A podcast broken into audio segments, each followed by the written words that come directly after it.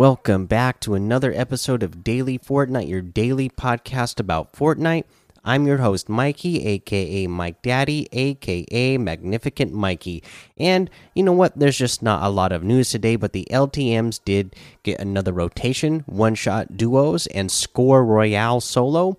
The Pro 100 community creation is still here. Uh, for challenge tips, let's go ahead and do the next one down the line, which is to drive a truck to Sunflower's farm. So you just got to get a truck, you know, one of the OG Bear trucks, and the Sunflower farm is uh, just directly north of the Coliseum. Okay, so that's where you're going to head uh, to that farm there, just outside the desert uh, directly north of uh, the Coliseum. So there's that. Uh, let's see here. Uh, like I said, not a lot of news going on uh, this uh, Sunday. So let's just go ahead and oh, I guess I can mention. You know, we had you know a trios cup actually going on. You know, one of the uh, not not going on today, but tomorrow. If you're uh, want to get ready, there is a hype cup tomorrow on Monday and a, a Trios Cash Cup as well. Uh, remember, now that they are doing the Cash Cups every Monday, uh, you have a chance to compete in that. So uh, hopefully, you've been uh, working together with your teammates uh, to get your trio and to get yourselves into the Champions League so that you can play in these Trios Cups. Uh, let's see here. Now let's go ahead and head over to the item shop. And in the item shop today, we still have the Future War bundle. Uh, you still have all of the soccer slash football uh, items that we talked about yesterday. Uh, so that's all still here. And then today we have the Power Chord outfit with the six string back bling for 2000, the late the Lada outfit for 800 the Scanline wrap for 300, the Smooth Moves emote for 800, the Never Gonna emote for 500, the Khmer emote for 200. We have the Dominion outfit with the Flame Sigil backbling for 1500, the Burning Beast uh, glider for 1500, the Malice outfit with the Malice Wings backbling for 2000, the Burning Blades harvesting tool for 800 the Burning Axe harvesting tool for 1200, the Burning Glyph wrap for 500, the Shogun outfit with the Bladed Wings backbling for 2000, the Jaw Blade harvesting tool for 800, the Jaime outfit with the Shiro backbling for 2000, the Cat's Claw harvesting tool for 800.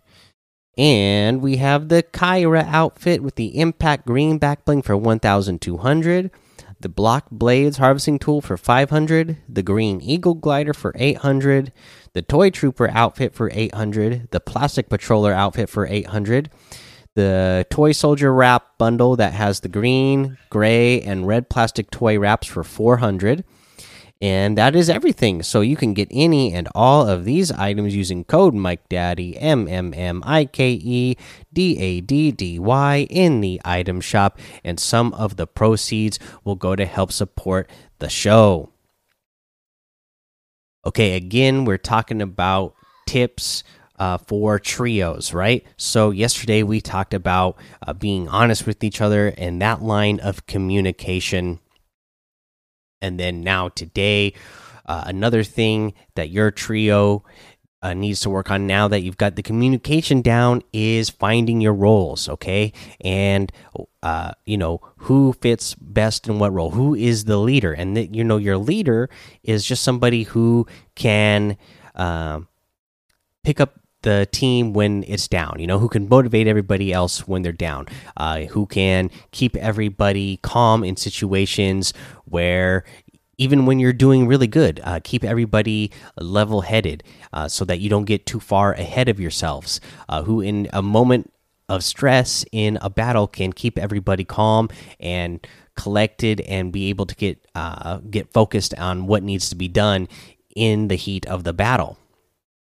That is your leader, and they probably need to be a good overall player, a good mechanically, a good aim, uh, and good game sense. That should be something your lead your leader has.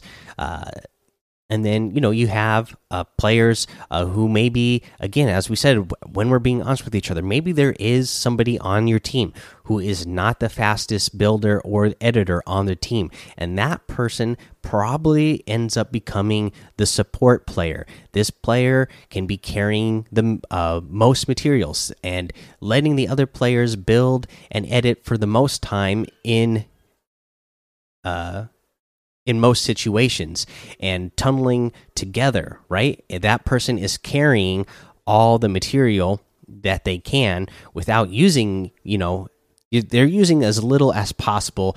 That way they can drop materials for the better and faster uh, builder and editors on the team uh, as you guys are uh, traveling from one point to uh, another with each other, especially in the end game. You know, when you guys are tunneling, trying to stay safe and rotate with the circle, you want the fastest player with the building and editing to be to have the mats and they're going to be running out the fastest. So you have that support player who's hopefully most of the game keeping their materials near max. That way when it gets to the end uh, they can start dropping them for the other players to uh, fill back up so that they have something to build and edit with uh, now, uh, you know, you have, like I said, your leader, you got your support, and then uh, again, uh, you know, you just you're just gonna need that overall uh, insane uh, W key player. Okay, like I said, so you got your leader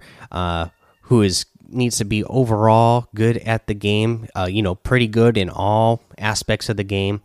And then you have your support player who's able to you know support players with the materials and carrying a ton of heals uh, so that they can heal uh, themselves as well as making sure that they have enough uh, to be able to drop for the teammates when they need to heal themselves.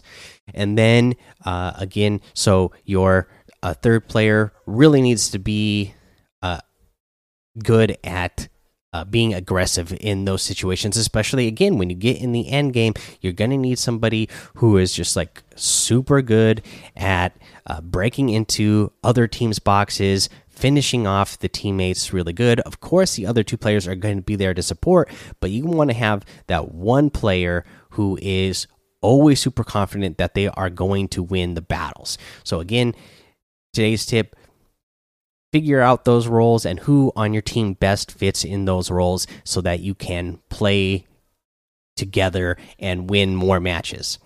All right, guys, that's the episode for today. Go join the daily Fortnite Discord and hang out with us. Follow me over on Twitch, Twitter, and YouTube. It's Mike Daddy on all of those. Head over to Apple Podcasts, leave a five star rating and a written review. Uh, normally today is sunday this is where we would do the shout outs uh, if there's any five star ratings i'm not sure if there was and uh, my middle son currently has my phone and unwilling to let it go so i'll have to make it up and uh, if i remember i'll try to do shout outs tomorrow instead. Uh, but yeah make sure you head over to apple podcasts uh, and leave that five star rating and written review. One for the shout out on the show and then of course because it really helps uh, the show uh, be found by other users. All right guys that is the episode. So until next time have fun be safe and don't get lost in the storm